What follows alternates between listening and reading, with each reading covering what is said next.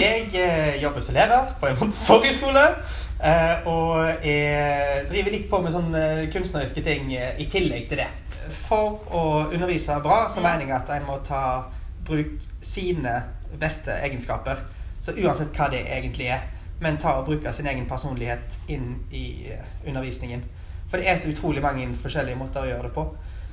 Eh, og vi er jo veldig forskjellige som mennesker alle. Eh, så om du er på en måte superglad i matte, så på en måte vær den mattenerden, da. For det er utrolig gøy og sjarmerende å ha en lærer som er veldig glad i matte når du skal lære matte. Ja. Eller hvis du er veldig sånn eh, utadvendt og tullete, så bruker du det. Syng en sang hvis du er glad i sang. Ja.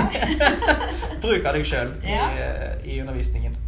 Hvis en skal tenke som trygghet Ja. i jobbmarked, så er det jo veldig, veldig sikkert. Vi vet ikke hvordan fremtidens jobb blir. Nei. Roboter er kommet inn, tar over veldig masse. Men er det én ting som er sikkert, så er det når mennesker skal møte mennesker, så, så må du ha mennesker for det. Det er ikke en robot som kan ta over det. Nei. Så det er veldig sikkert. Ja. Vi trenger masse lærere i framtida. Ja. Eh, det er eh, veldig kreativt, og du kan, eh, du kan jobbe litt på din egen måte. Mm. Um, og så får du veldig masse igjen for det med da, mangfold av elever som eh, eh, alle er forskjellige, og, uh, så gir veldig masse tilbake igjen uh, når ting fungerer.